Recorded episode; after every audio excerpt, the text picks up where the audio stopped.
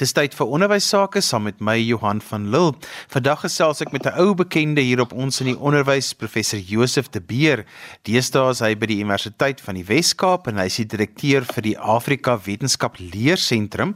En ons gaan vandag bietjie gesels oor 'n interessante onderwerp, poppedialoog as 'n onderrigstrategie in wiskunde en wetenskap klaskamers. Josef, jy gaan nou nogal vir ons hierdie onderwerp eers moet gou in konteks plaas en verduidelik want daar's nogal baie woorde in hierdie onderwerp. Johan, baie dankie vir die uitnodiging. Dit is altyd lekker om met die RSG luisteraars te praat. Ja, ek is 'n natuurwetenskaplike soos uh, die luisteraars sal weet en my fokus is op inheemse kennis. En vandag praat ons oor poppedialoog.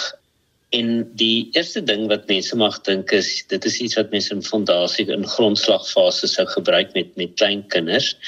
En dit is wat ons verkeerd is want poppedialoog kan 'n mens gebruik van uh, graad R af regdeur tot tot met met volwassenes. En hoekom dit vir my 'n uh, natuurlike uitvloeisel was van my navorsing is 'n uh, inheemse kennis is natuurlik 'n mondelingse kennis besit want ehm um, dis nie opgeskryf nie dit word mondelings oorgedra van generasie tot generasie. Met ander woorde poppedialoog of poppespel ehm um, die Engels is puppetry uh, sluit natuurlik baie nou daarmee aan.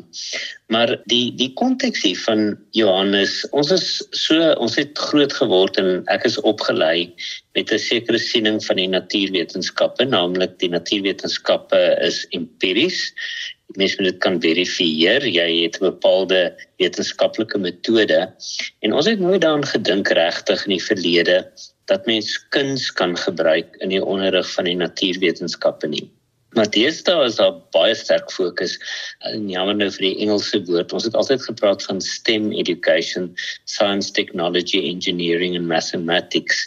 En vandag praat ons van STEAM, science, technology, engineering, arts and mathematics. So, ehm um, daar's 'n daar's 'n groot beweging dat ons nie net moet dink aan die natuurwetenskappe, aan wiskunde, tegnologie en wiskunde nie, maar ook die kuns inbring in die proses. So, poppedialoog of poppespel bring uh, die die kunste ook in en um, hoekom dit vir my belangrik is is um, en ek wil teruggaan um, die die die luisteraars sal almal weet van Howard Gardner se veelvuldige intelligensies. En Howard Gardner het gesê dat dat elke persoon bepaalde intelligensies het wat sterk ontwikkel is. Ehm um, daar's daar's taal as 'n intelligensie, taalvaardigheid, wiskunde intelligensie of visueel kreatiewe intelligensie, musikale intelligensie, kinestetiese ehm um, uh, intelligensie wat wat lyflike intelligensie is.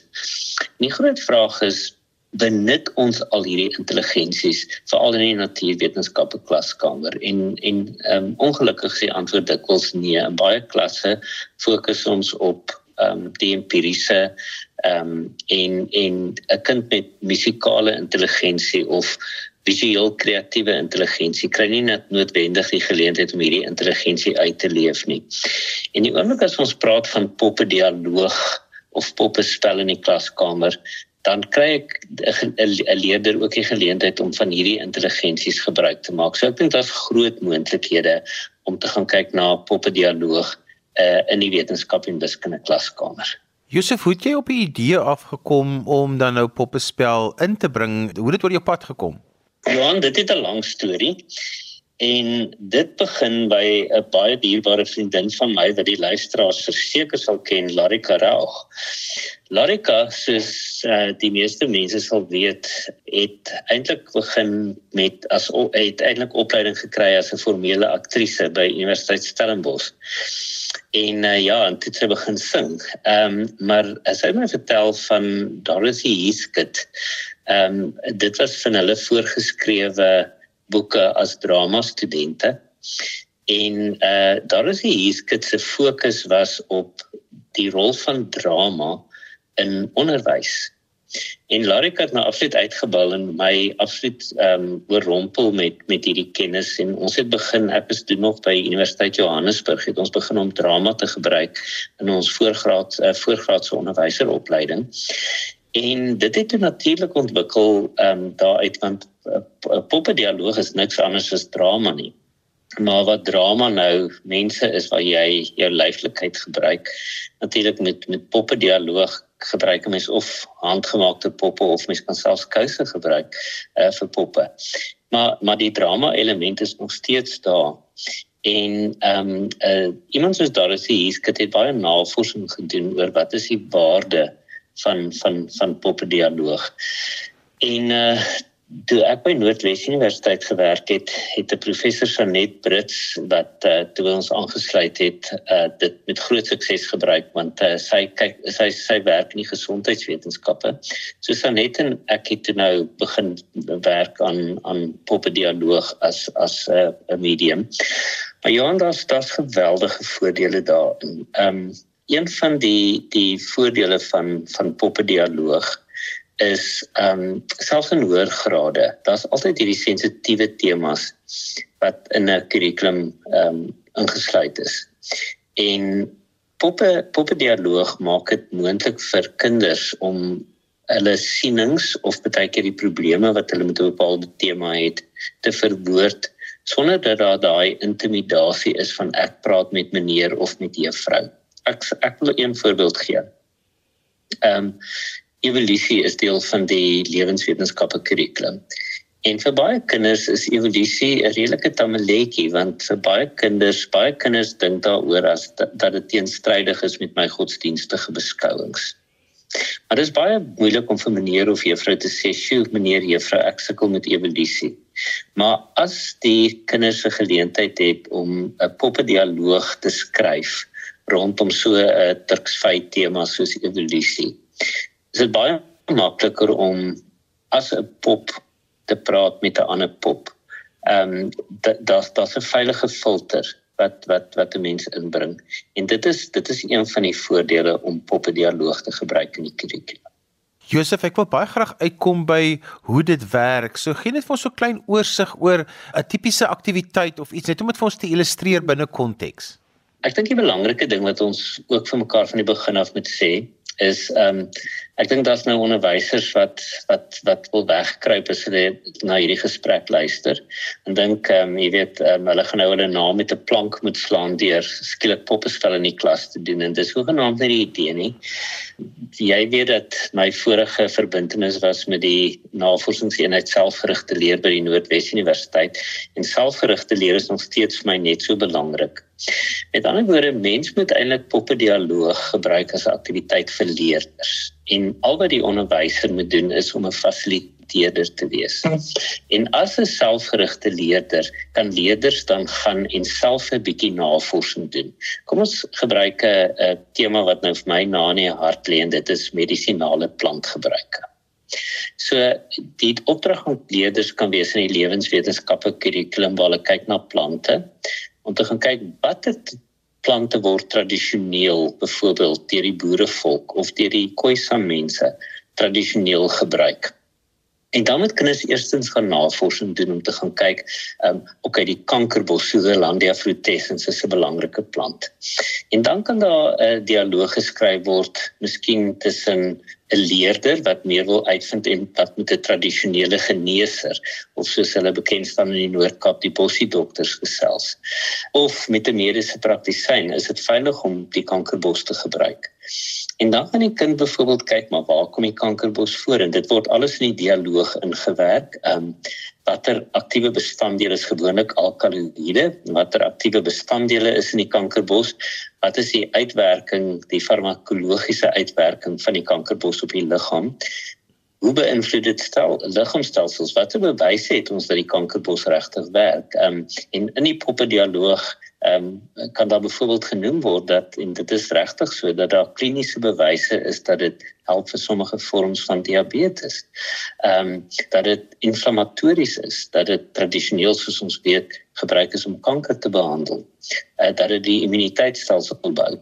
En dan natuurlik in die proses en ja, dit is een van die groot probleme wat ons het in die luisteraars sal weet. Al die toetse wys dat die die internasionale toetse wat gedoen word soos PIRLS en TIMS uh wys dat dat ons groot uitdagings het in die onderwys in Suid-Afrika en COVID het dit natuurlik vererger want as gevolg van COVID het die leesvaardigheid van kinders eintlik um baie verswak.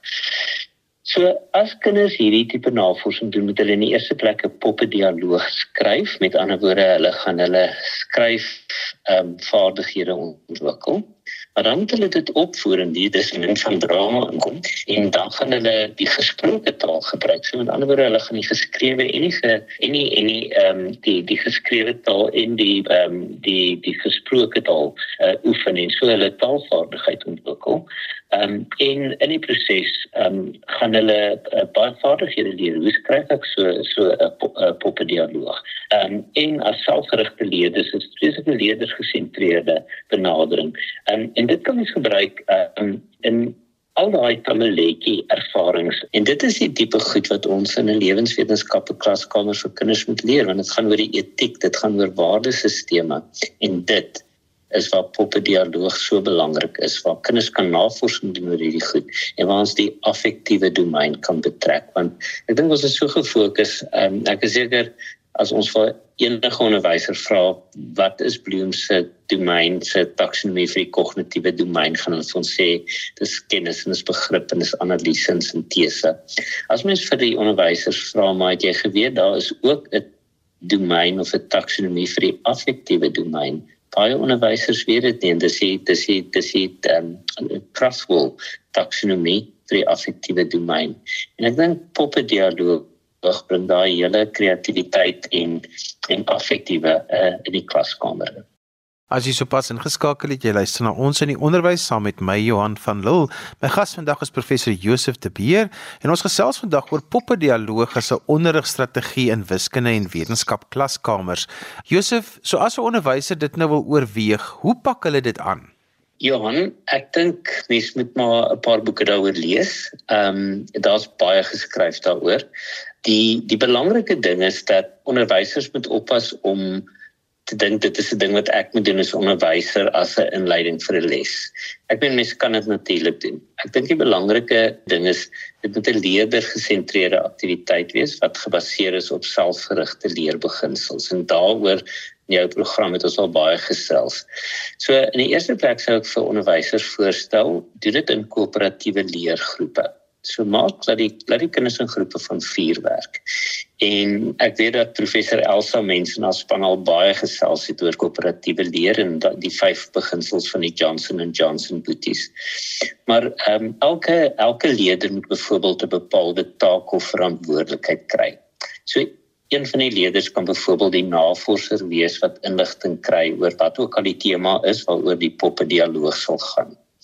'n ander persoon kan dalk die persoon wees wat dan nadat hierdie inligting ingewin is, die persoon wees wat die dialoog self van skryf.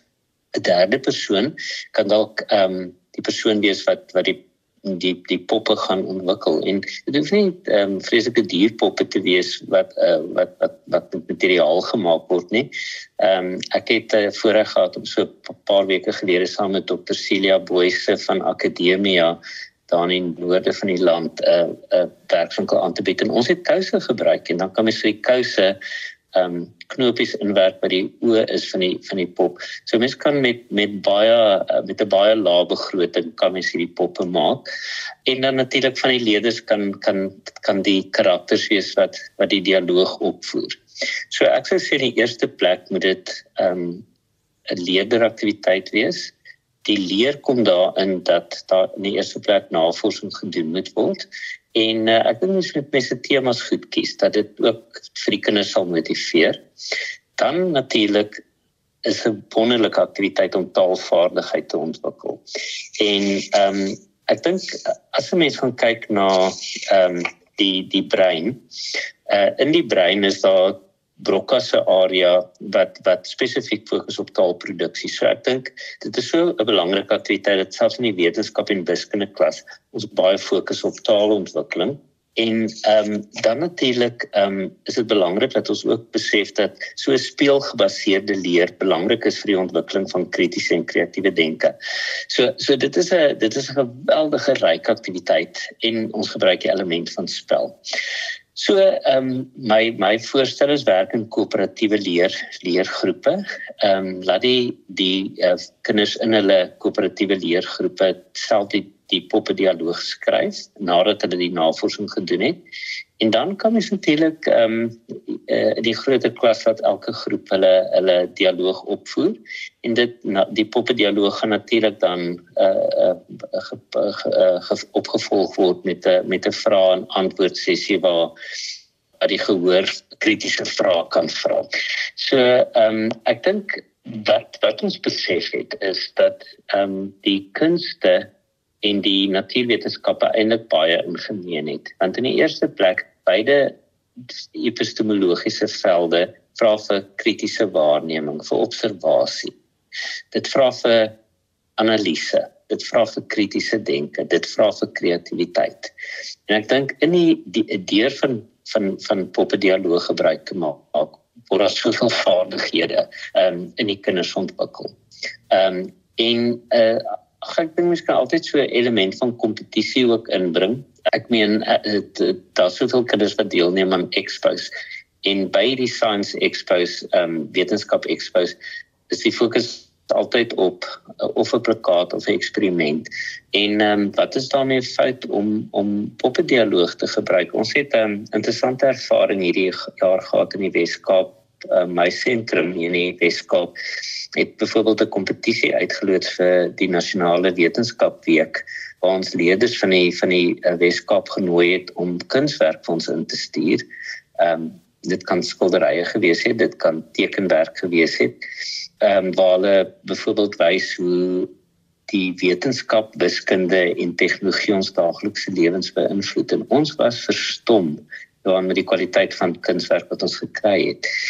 En en en uh, poppedialoog uh, is 'n ander vorm van kuns wat hierdie affektiewe uh, tuisbring dat dat kinders besef maar sjoe wiskunde en wetenskap is lekker wiskunde en wetenskap be, be, beïnvloed elke aspek van ons menswees en ons lewens en in die proses um, met met poppedialoog is daar ook 'n groot skoot taal taalontwikkeling wat plaasvind. Josef, net so ter afsluiting, jy's nou betrokke by die Afrika Wetenskap Leersentrum net so in 'n paar sinne, jy's die direkteur daar. Waarmee is julle besig? Dan op hierdie stadium is ons besig met vreeslike opbindende planne, want ehm um, uh my kollegas sê altyd vir my dit is die wetenskapsentrum ehm uh, vir wetenskap van Afrika, nie van die Wes-Kaap nie. So ons is uh, besig om met universiteite in Ethiopië en ehm um, Egipte Zimbabwe, ehm um, Namibië, Botswana, Nigeria te skakel en ons hoop om volgende jaar uh die kunskompetisie uit te brei na Afrika toe en dit nie net 'n Weskaap in te maak nie en ehm um, regtig vir kinders opgewonde te maak. Ek dink altyd ons het so verantwoordelikheid Johan om wetenskap toeganklik te maak want ons doen ons het ongelooflike wetenskaplikes in hierdie land. Dit net aan die aan die aan die radioteleskope die SKA die spekulameter array in die Noord-Kaap. En ek sit altyd te wonder maar ons het nuwe ingenieurs en nuwe wetenskaplikes nodig wat wat die wat die aflosstokkie gaan neem by hierdie wetenskaplikes van ons en ons het goeie wetenskaplikes in die land. Maar waar begin dit? Dit begin by daai ouetjie en meisie wat in 'n klaskamer sit met 'n besielde onderwyser wat hierdie kind gaan stimuleer en dit is 'n baie sterk fokus wat wat wat ons het in in my sentrum om kinders se belangstelling te prikkel maar ook om te belê onderwyseropleiding van van hoe bring ek hierdie affektiewe in my onderrig en leer 'n strategie na vore. So ehm um, ja, soos ek sê ons is besig om te kyk om hierdie kunskompetisie volgende jaar uh, vir die hele kontinent te loods. Uh en ehm um, dan uh, werk ons baie op op robotika uh en kodering, kodering en robotika. Ons doen werkswinkels en expos vir kinders. En iets waaroor ek vreeslik opgewonde is en ehm um, dit kan dalk 'n volgende gesprek eendag wees. Ons is besig om te kyk na 'n expo oor etnobotanie wat ons ook laat ontwikkel wil ehm um, uitrol waar ons vir kinders gaan bet, betrokke kry in projekte oor kulturele gebruike van plante. Dit kan voedselplante wees, dit kan mediese plante wees want ehm um, ek weet Mia Abri is 'n dosent by Universiteit Pretoria en sy praat altyd van plantblindheid. En ehm um, Johan, ek dink jy, jy het ook al sulke mense gesien hulle ry nie kreer wildtuin en dan ry hulle by die pragtigste ehm um, kromatarbome verby en dan vra mens vir hulle by 'n ruskamp wat het jy gesien oor niks want ek het nie die die groot 50 katte gesien nie en plantblindheid verwys na die feit dat mense nie plante in, in die natuur raak sien nie en ek dink dit dit is as gevolg van 'n groot maar 'n groot kan tot 'n groot mate toegeskryf word aan die curriculum. En ek dink as mense etnobotanie benadering volg dan dan uh, maak mens plantkunde lewendig vir kinders en dit is ook 'n groot doel wat ek my vooroe hou by die uh, sentrum wat my by werk. Josef as mense met jou verder wil gesels, hoe kan hulle met jou kontak maak? luisteraars kan my uh, kontak. Die uh, eenheid um, het 'n uh, e-posadres. Dit is science koppelteken learning koppelteken center UWC Universiteit Weskaap University of Western Cape UWC .ac.za of hulle kan persoonlik vir my e-pos stuur dis j de beer alles een woord klein lettertjies j de beer @ uwc.ac.za En daarmee het gekom aan die einde van vandag se ons in die onderwys. Onthou jy kan weer na vandag se program luister as 'n potgooi. Laai dit af by resgep.co.za. Skryf gerus my e-pos by Johan van Lille@gmail.com. Dan groet ek dan vir vandag tot volgende week van my Johan van Lille. Totsiens.